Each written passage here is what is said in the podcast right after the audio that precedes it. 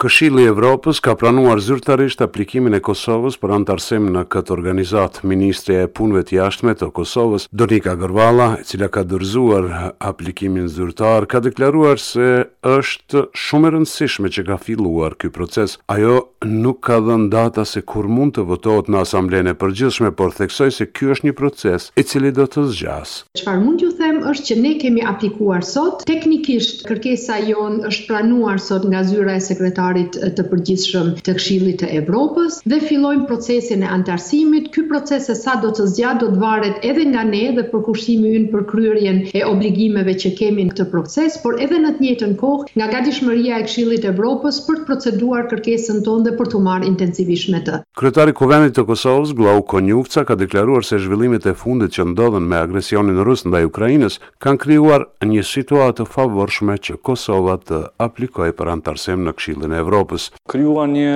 situatë ma e favorshme se ç'ka qenë ma përpara për shtetin e Kosovës që të aplikonte. Mua më kujtohet kjo ka qenë përpjekje edhe e qeverive të kaluara, por më kujtohet që në atë kohë sa ishim ne, ka pas qenë disponimi goxha negativ për Kosovën edhe për të drejtën për me apliku atje.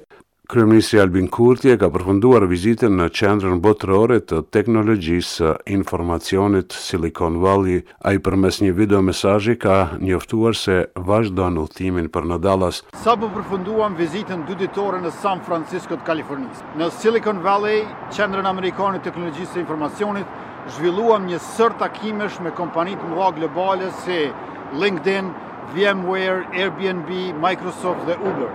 por edhe me firmat investuese Andreessen Horowitz dhe Sumeru Equity Partners për të ofruar qasje në financa për talentet kreative të Kosovës. Jemi takuar edhe me qendra të inovacionit teknologjik dhe social, si dhe me profesionistë të teknologjisë së informacionit dhe inovacionit në kuadër të dialogut me mërgatën, e të cilët punojnë në Oracle, Facebook, Amazon, Apple, Netflix dhe shumë e shumë të tjera. Qëllimi kryesor i vizitës sonë në shtetin e Kalifornisë ka pasur për fokus vendosjen e Kosovës në hartën botërore të investimeve në sektorin e teknologjisë së informacionit.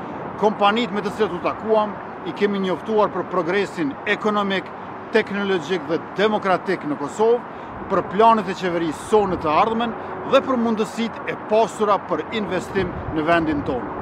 Nga këtu fluturojmë për Dallas në Texas. Dallas. Ju faleminderit e mirupafshim. Pas Dallasit, sot kryeministri Albin Kurti, shoqëruar edhe nga ministri i Mbrojtjes Armend Mehaj, po realizojnë vizitën dyditëshe në shtetin e Ajovës në Shtetet e Bashkuara. Kreu i qeverisë pritet të zhvillojë takime me zyrtarë të shtetit të Ajovas, ku do të jetë prezent edhe në hapjen e shërbimeve të konsullatës, kurse më vonë gjatë ditës do të takohet edhe me Benjamin Correll, komandant i Gardës Kombëtare të Ajovas, me të cilën FSK ka bashkëpunim të ngushtë. Sot në Bruksel po zhvillohen takimet e delegacioneve të Kosovës dhe Serbisë me ndërmjetësimin e BE-së. Zëvendëskryeministri i Kosovës, Besnik Bislimi, dhe drejtori i së ashtuquajturës Zyrë për Kosovën në Serbi, Petar Petkoviq, do të provojnë të gjejnë një zgjidhje lidhur me problemin e targave të automjeteve, energjisë në veri të vendit dhe çështjes së personave të pagjetur që nga koha e luftës. Analisti serb Dushan Janjiq nuk është optimist se mund të ketë ndonjë rezultat nga këto bisedime. Ai ka deklaruar se gjasat për sukses janë minimale përderisa përmendet njohja reciproke. Nuk pres asgjë. Mendoj se do të vazhdojë ajo loja që ka filluar që në shtatorin e vitit të kaluar dhe nuk besoj se do të ketë ndonjë pajtim apo marrëveshje. Po ashtu nuk besoj që propozimi i Prishtinës për njohjen reciproke të tabelave të makinave RKS dhe SRB, do të pranohet nga ana serbe. Për sa kohë që do të bëhet fjalë për njohje reciproke, mendoj se nuk do të ketë shansa për sukses. Në fund jam i bindur se do të bien stikersat dhe do të pranohen tabelat RKS dhe SRB nga të dyja anët.